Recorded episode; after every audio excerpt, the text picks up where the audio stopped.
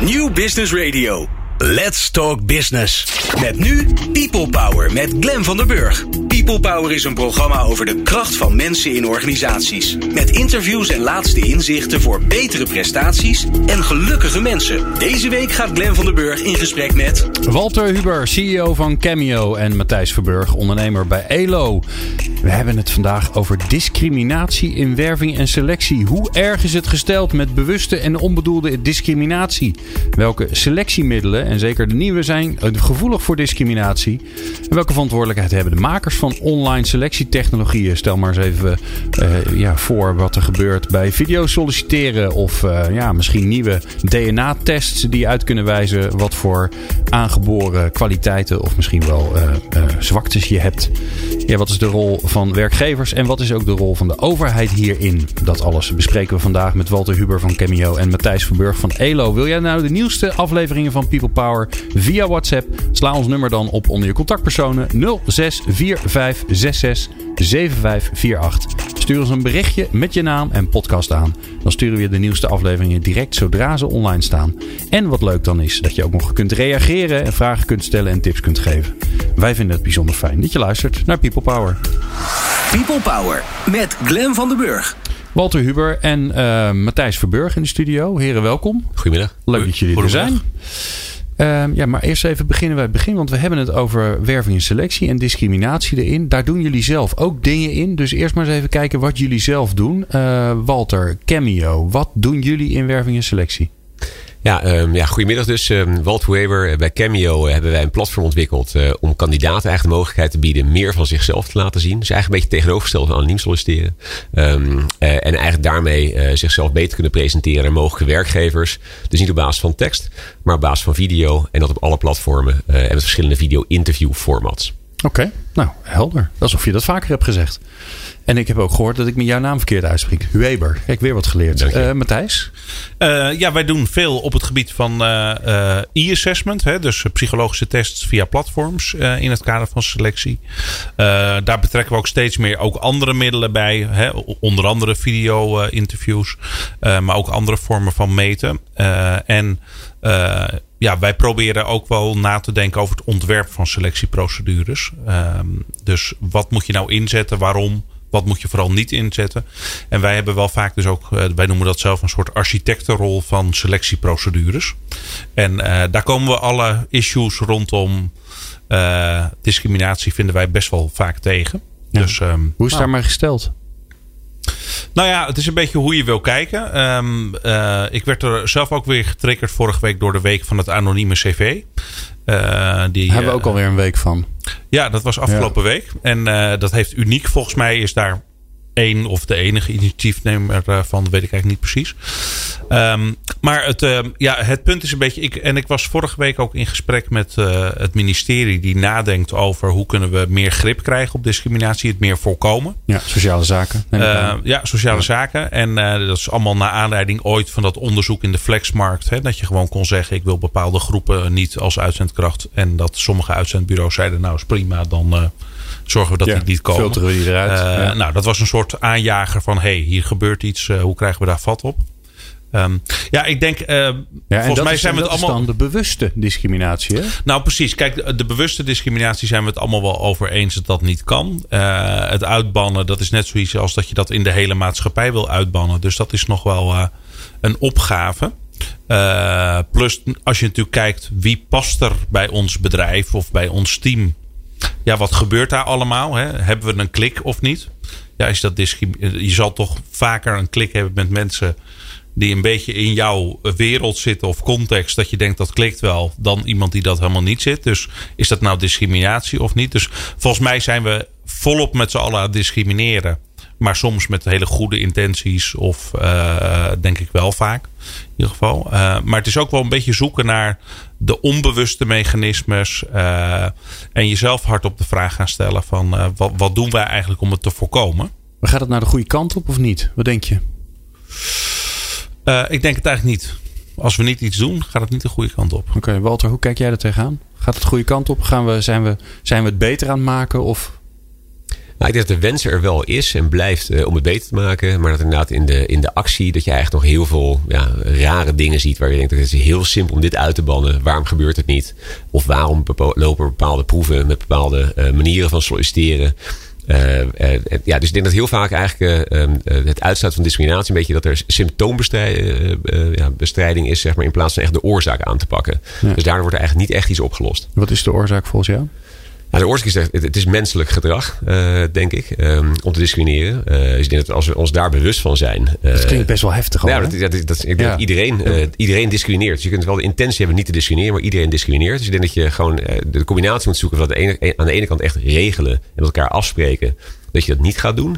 Um, uh, en dan kun je ook allerlei procedures voor afspreken in organisaties. En tegelijkertijd moet je ook, denk ik, heel erg met, aan het bewustzijn van mensen werken. Dat mensen zich realiseren dat iedereen discrimineert.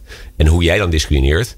En hoe je daar uh, ja, een manier in kunt vinden om daarmee om te gaan. Uh, om dat echt zo, zo laag mogelijk te maken, eigenlijk, discriminatie. Ja. We hadden hier onlangs een, een uitzending over genderdiversiteit. Uh, waarbij, uh, volgens mij was de columniste uh, Esther Mollema die ook zei: ja, wij discrimineren allemaal. Hè? Dus ehm, mannen discrimineren vrouwen gewoon, omdat vrouwen anders zijn. Eh, dus in je, in je vooroordelen die, die we allemaal hebben. En dat is al best wel heftig om dat toe te laten voor jezelf. Ja, onbewust discrimineer je omdat je, omdat je ziet dat het een dame is in plaats van een heer. Of dat, het een, dat iemand een ander kleurtje heeft. Of dat hij uh, er anders uitziet. Of een andere, andere, zelfs een andere taal gebruikt. Uh, dat zorgt er al voor dat ons gedrag gewijzigd wordt. Ja.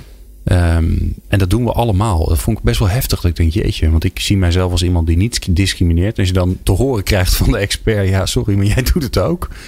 Ja, um, alleen je kunt je natuurlijk wel wapenen. In de zin van, uh, als je daar bewust van bent. Of je uiteindelijk wel dezelfde kansen dan gunt aan, ook aan anderen. Ja. En een van de redenen. daar begint het dus wel. Het begint er dus bij dat je dus snapt, hè, wat Walter zegt, dat je, dat je snapt van jezelf, dat je realiseert dat iedereen onbewust discrimineert. Ja. Je hebt eigenlijk een oordeel over de ander voordat degene eigenlijk al iets heeft gedaan. Dat is volgens ja. mij wat discrimineren is. En dat is misschien niet de hele rechte uh, definitie. Ik vind het wel een mooie definitie. Uh, maar je staat eigenlijk met je oordeel ja. klaar voordat de ander überhaupt een kans heeft gehad. Ja. En ik, als je daar bewust, bewust van bent, waar, waar is mijn oordeel gebaseerd? Wat zijn mijn eigen normen? Uh, hoe kijk ik naar de wereld? Dat is mijn context van, van waaruit ik opereer. Ik denk dat je, als je daar bewust van bent, dat je eigenlijk de ander al veel meer kans kunt geven. Zonder dat je echt het discrimineren kunt uitsluiten. Uh, maar bewustzijn is super belangrijk. Uh, ja. Dus gewoon je oordeel eigenlijk nog een beetje uitstellen. en proberen op inhoud dat te doen in plaats van op allerlei factoren waarvan we zeggen: ja, het is gewoon niet handig om naar te solliciteren. Of te, te, te, te discrimineren. En gewoon vooral ook niet doen. Dat is namelijk niet eerlijk. Ja. Waar gaat het mis, Walter, in, in, zeg maar, in een sollicitatieprocedure? Van, nou laten we zeggen, het moment dat er bedacht wordt, we hebben iemand nodig, tot het moment dat je iemand aanneemt? Ja, ik denk dat uh, um, als je kijkt, dus ik, uh, een, tijd lang is er uh, echt wel gewoon zo'n trend geweest van anoniem solliciteren. Vorige week dan het week van anoniem solliciteren. nou, interessant. Ehm, vorig jaar is er, nou ja, gewoon echt, ik vind het echt, ja, en eigenlijk propageren wij het compleet tegenovergestelde. Ja, je gewoon lekker niet anoniem, van. gewoon veel zichtbaarder. Um, en als je dan kijkt, hè, vorig jaar zijn er volgens mij vijf grote gemeentes in Nederland die het anoniem solliciteren een paar jaar hebben geprobeerd. Zijn er allemaal mee gestopt. Hè. Zwolle, Groningen onder andere. Want ze hadden gewoon geen merkbaar effect. En dat is eigenlijk weer terug naar het punt, ja, is het nou symptoombestrijding of ga je er echt iets aan doen? Um, dus ik denk dat eigenlijk waar het vaak misgaat, is dat je eigenlijk mensen, uh, in het geval van anoniem solliciteren, dat je zegt, ik ga mensen nog minder maken dan ze al zijn in dat sollicitatieproces. Ze waren alleen maar tekst in een brief, in een uh, sollicitatieformulier, uh, op een cv, waren ze geregistreerd op tekst. En ik ga er nog minder van maken. Um, ik denk dat je juist gewoon veel meer van die mensen moet maken. Dat ze gewoon veel breder, met veel meer facetten binnen kunnen komen. Um, en dat het daar gewoon misgaat. Dat we echt een denkfout maken van, laten die mensen reduceren tot nog minder dat ze eigenlijk al zijn met die paar woordjes op een Je moet ze eigenlijk specifieker maken, hoor ik jou zeggen. Ja, gewoon echt uh, gewoon al die, die lagen van mens zijn uh, zoveel mogelijk zichtbaar maken in alle facetten. Zodat je ja, veel meer inhoud hebt waarop je uh, ja, mensen kunt beoordelen en kunt selecteren. In plaats van op jouw eigen vooroordeel. Dus je hebt dan oordeel over dat iemand zich heeft gepresenteerd. Of inderdaad op basis van een beetje tekst die je vol met aannames zit te bekijken. Uh, je kijkt naar een cv, nou, die heeft daar kort gewerkt, lang gewerkt. Uh, ja, je, je, ja. wordt in oh, er zit een gat in het cv, vind ik ook wat zo mooi. Ja. Er zit een gat in je cv. Ja. Ja. Dus daar, volgens mij begint het bij de cv-selectie eigenlijk al gewoon. Dat je dat gewoon vol met aannames naar zijn cv kijkt. Doodzonde. Ja, Matthijs, waar, waar zie jij het misgaan? Nou, uh, cv is best wel belangrijke informatie. Hè? Welke studie heb je gedaan, welke werkervaring. Maar als selectie middel is het eigenlijk beroerd. sollicitatiebrieven uh, uh, hebben nog nooit een goede voorspellende waarde gekregen. dus het is jammer dat dat nog steeds best wel geëikte middelen zijn. En dan hebben we het sollicitatiegesprek, wat over het algemeen ook heel erg slecht bekend staat.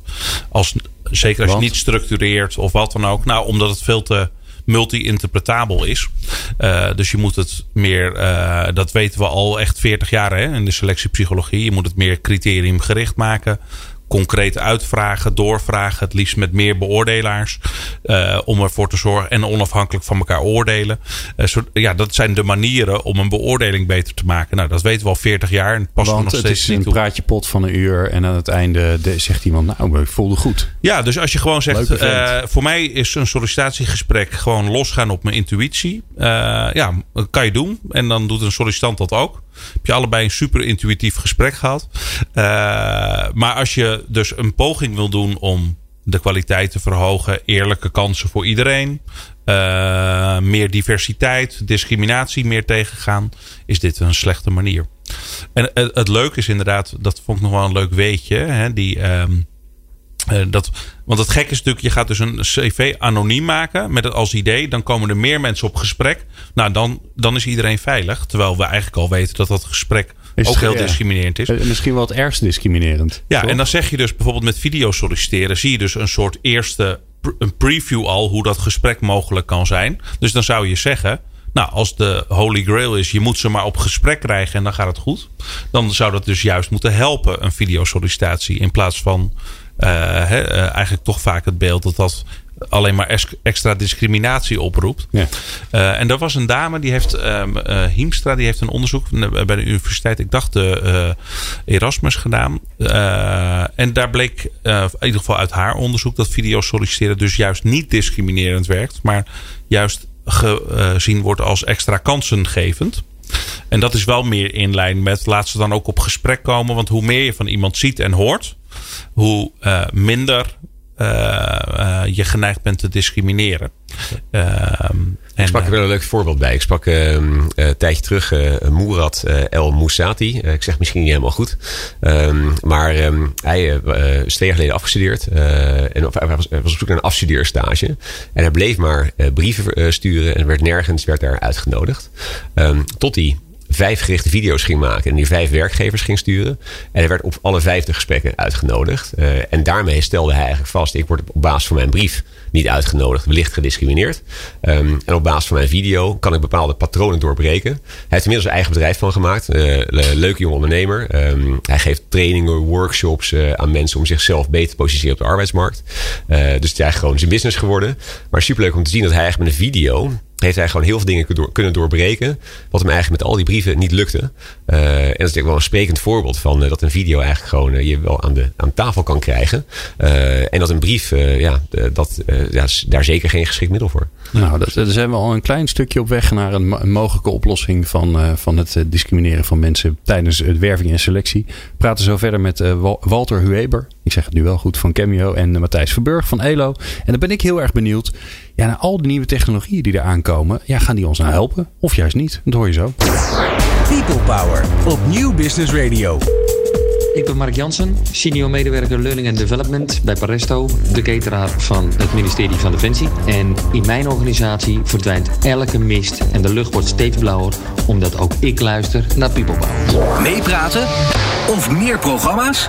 people-power.nl Ik word toch zo blij van die, van die jingles met luisteraars erin. Dus heb je zelf ook nog een uh, leuke aankondiging, uh, dan uh, kan die door via de WhatsApp-service van People Power. En die vind je op peoplepower.radio. In de studio Walter Weber, CEO van Cameo. En Matthijs Verburg, CEO van ELO. Maar zo wil hij zich helemaal niet noemen. Hè, want je bent ondernemer, toch? Ja, nou ja, we hebben dus geen uh, uh, managementfuncties in ons bedrijf. Oh nee, dat is waar. Dus als ja, ik dan ja. overal ga roepen dat ik CEO Dat is een ben, dan, raar. associeer, dat Ja. wordt wel geassocieerd met... Uh, Walter, jij wel. Dat doe Ja. je om een reden volgens mij. hè? Je werkt Nou, we zijn een vrij klein bedrijf, zeg maar. Dus uh, nou, inmiddels wel gewoon uh, iets van 15 mensen die we in ons team hebben. Dus wat dat betreft, de, de, de, titel CEO is dan wel ook wat aan inflatie onderhevig. Als je bijvoorbeeld gelijk met vergelijkt met de CEO van uh, General Electric of zo. Maar feitelijk hebben we dezelfde, uh, ja, dezelfde functie. Maar eigenlijk betekent het gewoon lekker veel doen. Ja. Um, en dus eigenlijk lekker, lekker ondernemend zijn en blijven. Dus, uh, lekker veel doen. Wat ja. doe jij? Ik doe lekker veel. um, mannen, wij, wij hebben het met elkaar over discriminatie in werving en selectie. Nou komen er allerlei nieuwe manieren van testen op ons af.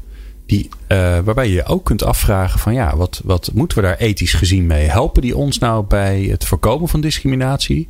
Maar ook uh, ja, bijvoorbeeld uitsluiten van mensen die bepaalde dingen wel of niet kunnen uh, volgens die tests. En, en ik zit dan bijvoorbeeld al aan DNA-test te denken. Maar in, het voor, in de vorige aflevering van People Power hadden we het over de, de growth en de fixed mindset. Nou, kun je volgens mij vast ook testen ja, stel je voor dat we iedereen die een fixed mindset heeft uh, uitsluiten van deelname. Want dat is zo handig als we alleen maar growth mindset mensen hebben. Dat moeten we ook niet hebben, toch? Nou, het dus wordt, ja. wordt het niet gezelliger op. Nee, nee toch? Nee. Dus is, is dat een dilemma voor jou? Uh, nou, dat, uh, sterker nog, dat is een van de grootste problemen, denk ik. Uh, kijk, we hebben um, eigenlijk tegenwoordig de middelen om heel grootschalig op basis van data al artificiële intelligentie op andere manieren te meten. Maar dat zijn een soort machinegeweren, uh, zou je kunnen zeggen, in handen van verkeerde mensen. Uh, want waar je vroeger een, bijvoorbeeld een vage, uh, holistische grafoloog had die handschriftanalyses deed in het kader van sollicitaties. Nou, hoeveel kon die er per dag doen? Misschien een stuk of tien. Heb je nu de meest waanzinnige selectiemethodieken waar je 10.000 mensen in één minuut doorheen haalt. dus de amplitude is veel groter van de ellende die je kunt aanrichten. Ehm, en uh, daarom noem ik het een machinegeweer in handen van de verkeerde mensen. Uh, en dat is ook een probleem. De arbeidsorganisatiepsychologie is al 40, 50 jaar bezig met kwaliteitszorg, uh, beoordelingen, ethische kaders, uh, noem het allemaal maar op. Uh, ook om discriminatie heel erg tegen te gaan, te veel subjectiviteit uit te bannen. En dat begint ook bij je bent subjectief en misschien discriminerend, dus met welke methodes waarborgen we dat? Maar je ziet dat een heleboel van dit soort tools uh, helemaal niet meer uh, in de wereld van de psychologie zich afspelen. Uh, maar daarmee is het ook een soort cowboyland geworden. Als jij claimt met een vage neurologische claim of DNA-claim dat je iets zinnigs doet. Dat leg je aan een HRM eruit die denkt, ja, het klinkt wel overtuigend. En we gaan aan de slag. En als het eigenlijk crap is, is er geen enkele sanctie, wat dan ook, kwaliteitsrichtlijn, niks meer. Hmm. Uh, dus ik vind dat best wel enge ontwikkeling. En dat krijg, jaagt... jij, krijg jij nou wel eens vragen van, van klanten waarvan je zegt... ja, sorry, maar dat doen we niet. Wij kunnen dit meten, maar dit vinden we niet, ethisch niet verantwoord. Uh, ja, of we vinden het doel waarvoor je dit in gaat zetten... of de plek in de procedure vinden we uh, onverstandig... of eigenlijk hè, misschien zelfs nog wel erger van dat gaan we niet doen. Ja. Maar, dat, punt. Uh, dat gebeurt dus wel eens. Dat gebeurt wel eens, ja. Maar wat ik ook erg vind, is als je ze dus gaat vertellen van ja, bepaalde dingen zou je niet moeten willen. Vanwege kwaliteit niet, ethiek of wat dan ook. Of qua rechten van een kandidaat. Dat ze dan gewoon verder shoppen en er tig andere manieren of partijen zijn die het zo doen. Dit is geen enkel probleem. Dus, dus we missen eigenlijk een beetje. Vroeger was dit een beetje de wereld van de selectiepsychologie. Maar uh, langzaamaan uh, is er eigenlijk een grotere wereld buiten de selectiepsychologie. Totaal ongereguleerd. Ja. met geen ethische kaders. Gewoon stel data ninja's die zeggen: wow, wow ik heb een verband gevonden.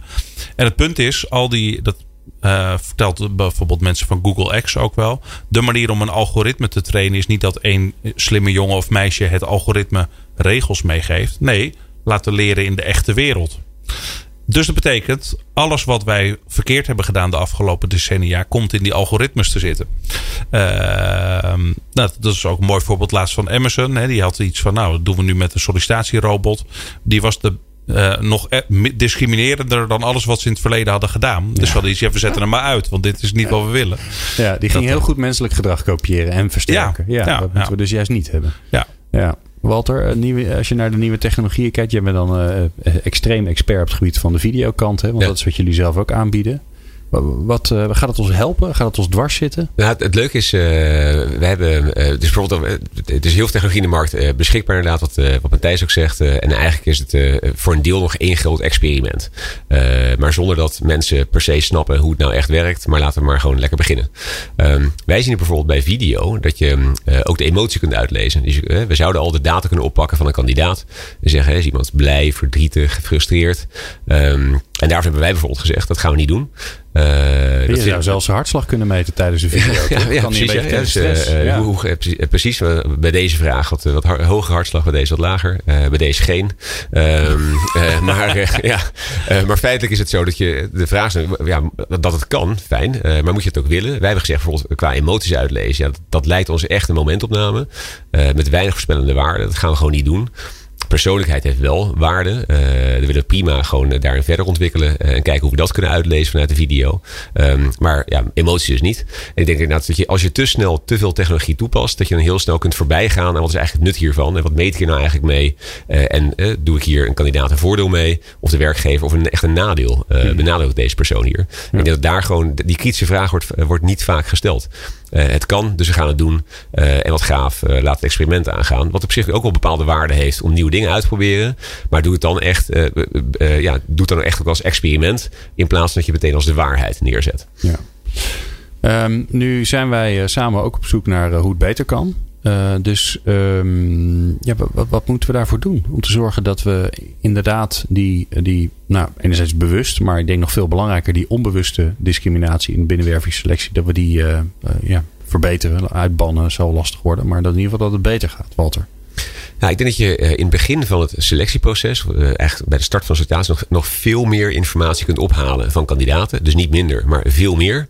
Um, en dat je dus met een veel rijker palet informatie, uh, dat je daarmee aan de slag gaat.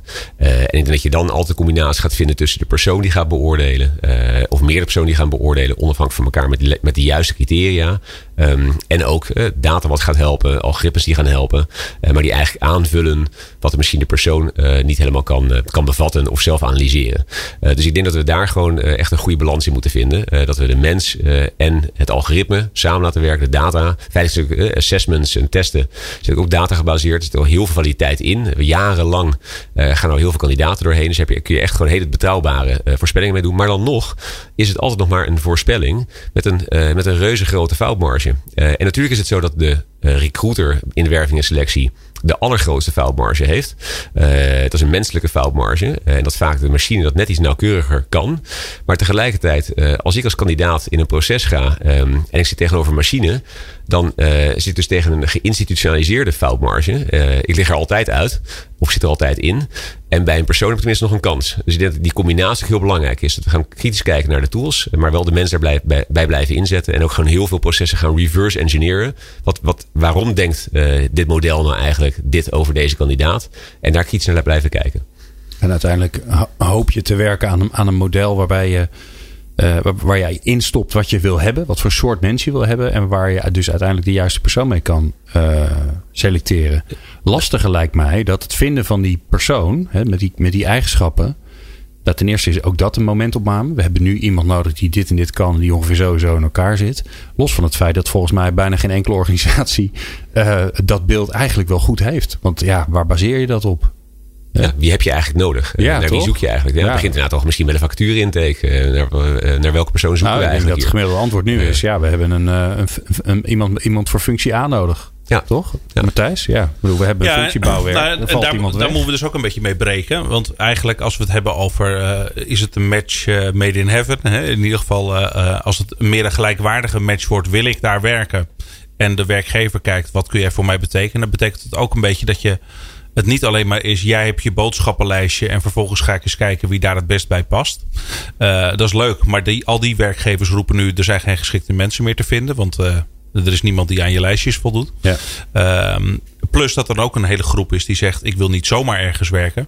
Ik wil ook kijken wat dat bedrijf voor mij kan betekenen. Of die organisatie op langere termijn. Of, eh, past het bij mijn ambities? Wat wordt mijn rol daar? Is er ook mijn rol een beetje te plooien? Hè? Uh, topwerkgeversonderzoek. Nou, daar komt eigenlijk uit. Laat mensen een beetje. De, de beste werkgevers moeten mensen een beetje met rust laten. Flexibiliteit bieden. En hun eigen rol een beetje laten uitstippen. Dus als je als je een top employer wil zijn, moet je dus niet met die eindeloze lijstjes werken. Uh, dus ik denk als het meer in balans komt, moet je dus ook beter je best gaan doen om je te verdiepen in mensen en een rijker profiel gaan bekijken. Uh, en dat doen kandidaten omgekeerd ook bij jou. Um, ja, moet je niet juist omdraaien? Moet je niet positief gaan discrimineren? Moet je niet gaan zeggen: Oké, als ik nu naar mijn team kijk, dan zie ik daar allemaal witte mannen. Dus we hebben gewoon een mevrouw nodig. We hebben uh, uh, iemand met een andere etnische achtergrond nodig. Want het klopt gewoon niet. We hebben gewoon een monocultuur. Dus, ja. dus ik kies er nu bewust voor dat de beste kandidaat een vrouw is. Ja, ja ik, er zijn natuurlijk voor- en tegenstanders van eigenlijk bijna het quoteren. Hè? Uh, ik hoorde daar laatst vorige week ook nog wel wat intelligentie over in een diversiteitsdiscussie. Van ja, je hebt dus. Uh, uh, als je naar diversiteit kijkt, bijvoorbeeld. Nou, laten we even een vrouwelijke topbestuurder. We zoeken nu een vrouwelijke topbestuurder. Je hebt mensen op een soort diversiteitsschaal die zeggen. Hè, kandidaten die alles in het man-vrouw verschil verhaal uitleggen. Dus dan heb je iemand die overbewust misschien wel met dit soort thema's bezig is. En als je die aanneemt, dan wordt alles in een soort man-vrouw discussie de hele tijd getrokken. Je hebt ook aan de andere kant van het spectrum bijvoorbeeld uh, topvrouwen zitten. Die uh, hebben zoveel uh, eigenlijk mannelijke eigenschappen bijna gekopieerd. Dat dat nou juist nu de diversiteit is die je gaat brengen. Dus voor een geslaagd diversiteitsbeleid zoek je dus iemand die daar een beetje dan weer tussenin zit. Dus dat soort nuances krijg je als je gaat praten over quota of wat dan ook. Haal ik nu iemand binnen die op papier zeg maar een bepaalde groep vertegenwoordigt, maar in de praktijk niet. Of extreem te veel. Uh, ik vind nog een andere oplossing. Uh, die past een beetje bij de technologie waar we het net over hadden. Dat iedere uh, technologieleverancier verplicht wordt om een soort bijsluiter digitaal aan te leveren. Uh, hoe goed dat product is en hoe goed het onderbouwd is. Ik geloof wel in die transparantie, omdat kandidaten dat, dat, dat, kritisch kunnen bekijken. De organisaties die het inkopen. Experts kunnen ook eens kijken van wat zijn dit eigenlijk voor middelen. Het viel me op, je hebt de linguïstische test, de DNA-test. Nou, dat is gewoon totaal niet wetenschappelijk onderbouwd. Maar ze doen wel lekker zaken. Ik heb dat met wat hoogleraren neuropsychologie besproken. Die schrokken zich helemaal rond dat het überhaupt bestond. Die zeiden nou is uh, werkelijk waanzinnig wat ik hier lees. Want het, het DNA, de DNA-basis voor schizofrenie hebben we nog niet eens. Terwijl we hebben behandelingen, we hebben medicijnen. Maar we zijn nog steeds op zoek naar het precieze DNA-profiel.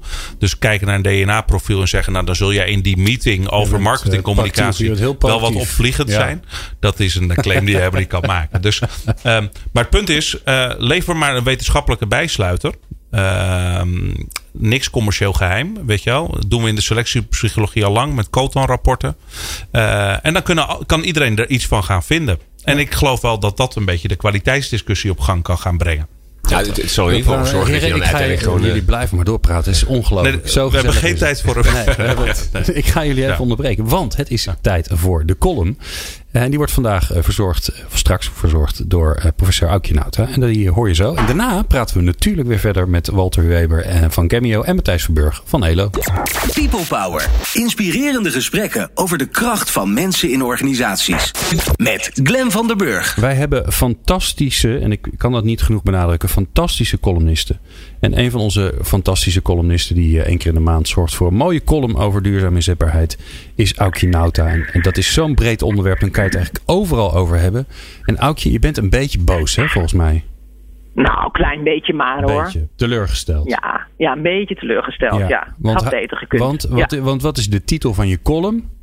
Uh, HR, heb eens lef. Nou, ik ben heel benieuwd. Ja. Ja, um, nou ja, uh, ik steek maar van wal. Uh, het gaat eigenlijk over mijn dochter. Die, die, die mocht pas geleden haar bachelordiploma wiskunde in ontvangst nemen. Dat was een hele mooie ceremonie, dus even terzijde. tientallen studenten die werden doorheen gejast, maar in praatjes van anderhalf minuut die toch allemaal heel persoonlijk waren. En wat ik vooral erg leuk vond, was dat de helft van die wiskunde bachelors vrouw was. Dus dat belooft wat voor diversiteit in de BV Nederland. Maar dit geheel terzijde. Nou, Niet terzijde voor deze column is dat mijn dochter dus haar diploma had uh, gehaald. En mijn dochter die heeft een bijbaan in de richting van de master informatica waar ze momenteel mee bezig is. Dat, dat is iets met software engineering. Ik snap er allemaal niks van. Maar ze werkt dus bij een softwarebedrijf. Nou, en toen ze daar binnenkwam, zeiden ze um, dat ze haar uh, helaas nog niet zoveel salaris konden bieden, want ze had immers nog geen diploma. Ha, dacht mijn dochter, die zoals elke student wel wat extra euro's kan gebruiken. Nu ik wel een diploma heb, kan ik mooi om opslag vragen. Nou, ze toetste dat nog even bij haar moeder, uh, die haar ernstig aanmoedigde. Al was het maar om bij te dragen aan de vermindering van de salariskloof tussen man en vrouw, die in Nederland nog altijd zo'n 19% bedraagt. Lees maar na op uh. Nou, en dus, dus ik zei tegen mijn dochter: van je doet het niet voor jezelf, je doet het voor de helft van de mensheid. Zo orakelde ik. Ben je er trouwens nog, Glenn? Jazeker. Ja, oké, oké. Okay. Ademloos um, duister. Aha, aha. Dus, uh, maar goed, in ieder geval. Dus dat, zo zat ik tegen haar te praten. En dus schreef mijn dochter een mail naar de HR-afdeling met de simpele vraag welke gevolgen haar behaalde diploma voor haar salaris zou hebben. Waarop ze het volgende antwoord kreeg. En ik citeer. Goed nieuws. Gefeliciteerd met je diploma. We verwerken achter alleen de salarisverhogingen die de leidinggevenden aan ons doorgeven. Een diploma leidt vanuit de arbeidsvoorwaarden in ieder geval niet standaard tot een verhoging. Nou, zeer correct natuurlijk. deze HR-medewerkster die hield zich keurig aan haar functieomschrijving. En die luidt in veel organisaties dat ze partners zijn van het management. In HR-jargon ook wel businesspartner geheten. En dus sturen ze elke medewerker, voor wie ze immers vooral niet werken, met een kluitje in het riet. En bovendien zit er wel wat in de argumentatie van deze medewerkster, namelijk dat diploma's ook weer niet alleszeggend zijn. Het gaat immers over je feitelijke bijdrage aan de bedrijfsresultaten en daarvan zijn diploma's een magere voorspeller. Maar om eerlijk te zijn vind ik haar snimf gedrag van een stuitende lafheid. SNIMF? Ja, SNIMF. Ja, die, die, die afkorting die staat voor staat niet in mijn functieomschrijving. Het staat duidelijk niet in haar functieomschrijving om een mailwisseling te hebben met een loonslaaf over haar salaris. Maar juist doordat ze zich zo aan haar functieomschrijving vastklampt, mist ze een enorme kans. De kans om in haar rol bij te dragen aan ontwikkeling van mensen. Ze had namelijk ook het volgende kunnen mailen. Goed nieuws. Gefeliciteerd met je diploma. Ik adviseer je om met je leidinggevende in gesprek te gaan over wat dat betekent voor je salaris. We hebben hierover geen standaardregeling. Des te belangrijker om met je leidinggevende te verkennen of hij of zij vindt dat je diploma in combinatie met hoe je je werk doet aanleiding geeft voor een loonsverhoging.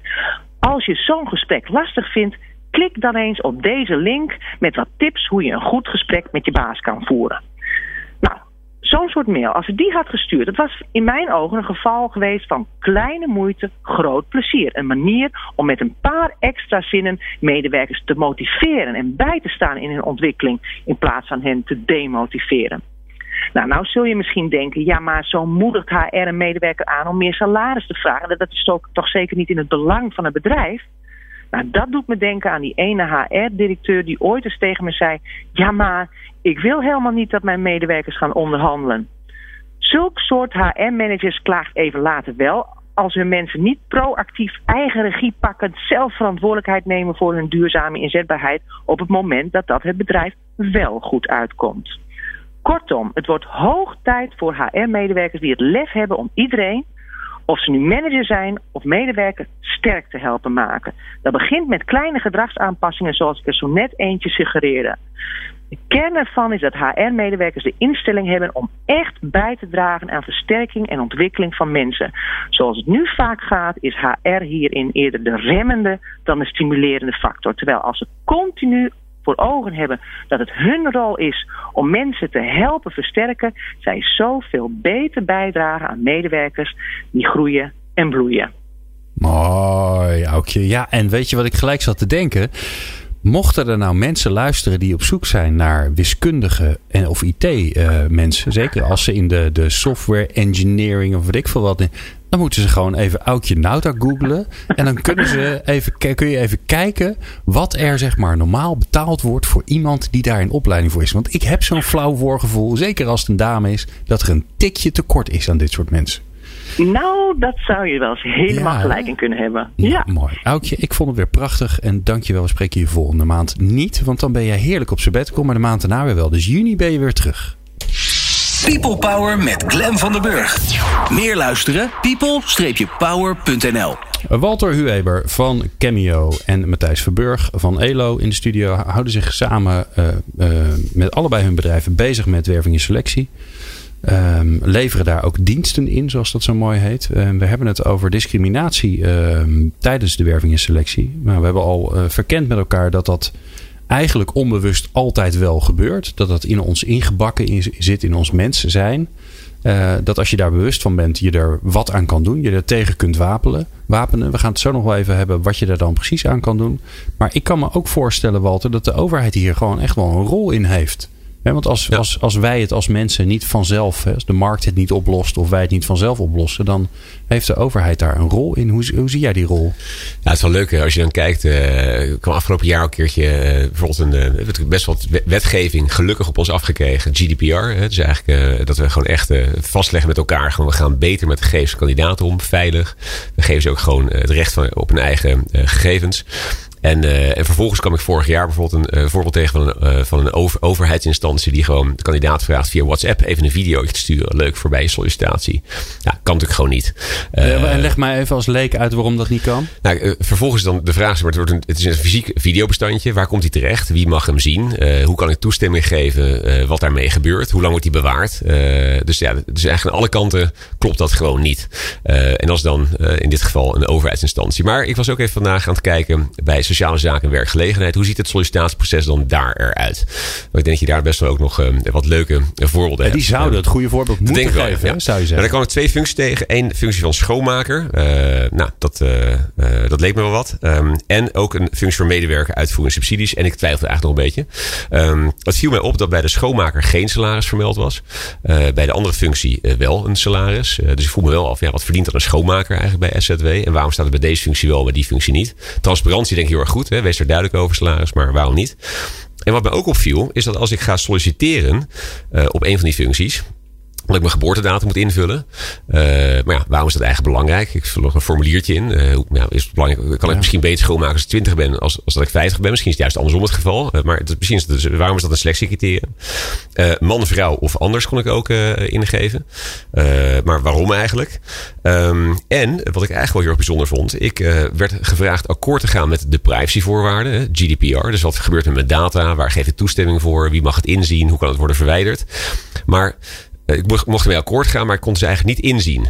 Uh, ik moest vervolgens helemaal weg van mijn sollicitatie. En ergens anders op de site zag ik wel uiteindelijk privacyvoorwaarden waar ik dan heen kon gaan. Uh, dus eigenlijk best wel een proces waarvan ik denk, nou, er valt nog wat aan te verbeteren. Uh, ja, de basis. we kunnen hier discrimineren op leeftijd, op geslacht. Um, en eigenlijk vragen mensen akkoord gaan met voorwaarden waar ze niet bekend mee zijn. Ja, het is in ieder geval zeker niet geen anoniem solliciteren. Dat nee, zeker niet. niet. nee. Ja, maar wat, wat, wat zouden ze, los van het feit dat ze eh, hun, hun eigen, naar hun eigen vlees moeten kijken, maar wat zouden ze, wat zouden ze kunnen doen? Hoe zouden ze kunnen helpen om die discriminatie uh, te, uh, te verminderen eigenlijk? Ah, ik, ik, denk het uh, in zo'n. Je hebt eigenlijk een kans, denk ik, op, in zo'n proces. Om eigenlijk misschien de mensen de kans te bieden om wat meer van zichzelf te laten zien, juist. En dan misschien niet op de zaken waarop je kunt discrimineren. Maar misschien juist daar alvast een test te doen. Kijken in hoeverre pas je bij. vind jij deze organisatiecultuur aantrekkelijk? pas je daarbij? Vind je het interessant? of in hoeverre ben je bekend met de werkzaamheden die wij eigenlijk doen? Wat hoort er eigenlijk voor werk bij? Uh, en wat situaties voorleggen. Dat mensen een beter beeld krijgen op welke functie ze eigenlijk solliciteren. Dus ik denk dat je best wel een kans hebt uh, in het allereerste stapje van het proces. Om daar eigenlijk mensen juist wat transparanter te zijn. Uh, en mensen zichzelf, zichzelf te laten matchen met een baan voordat ze gaan solliciteren. Om te kijken, is dat eigenlijk wel iets voor mij? Vind ik dat leuk? Ja, dan ga ik de moeite erin stoppen.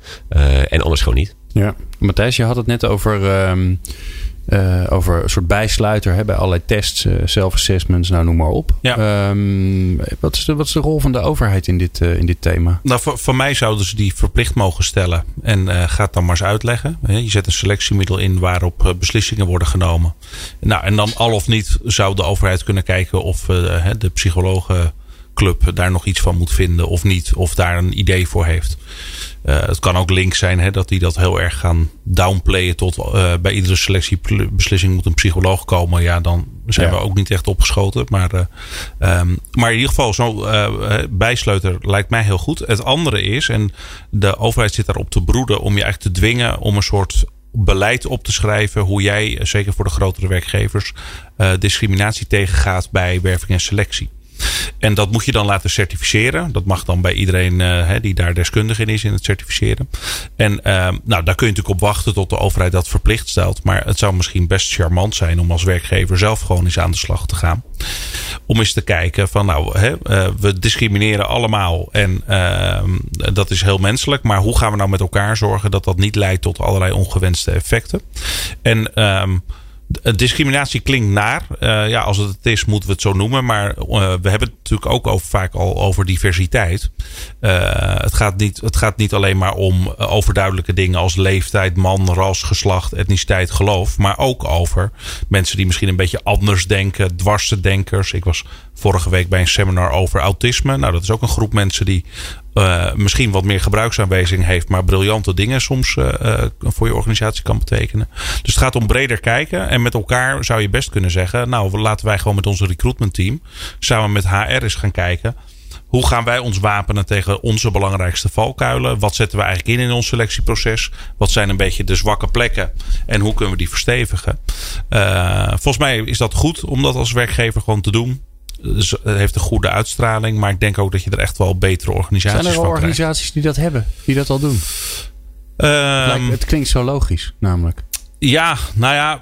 Um, er zijn natuurlijk veel organisaties die roepen dat ze dit soort dingen doen.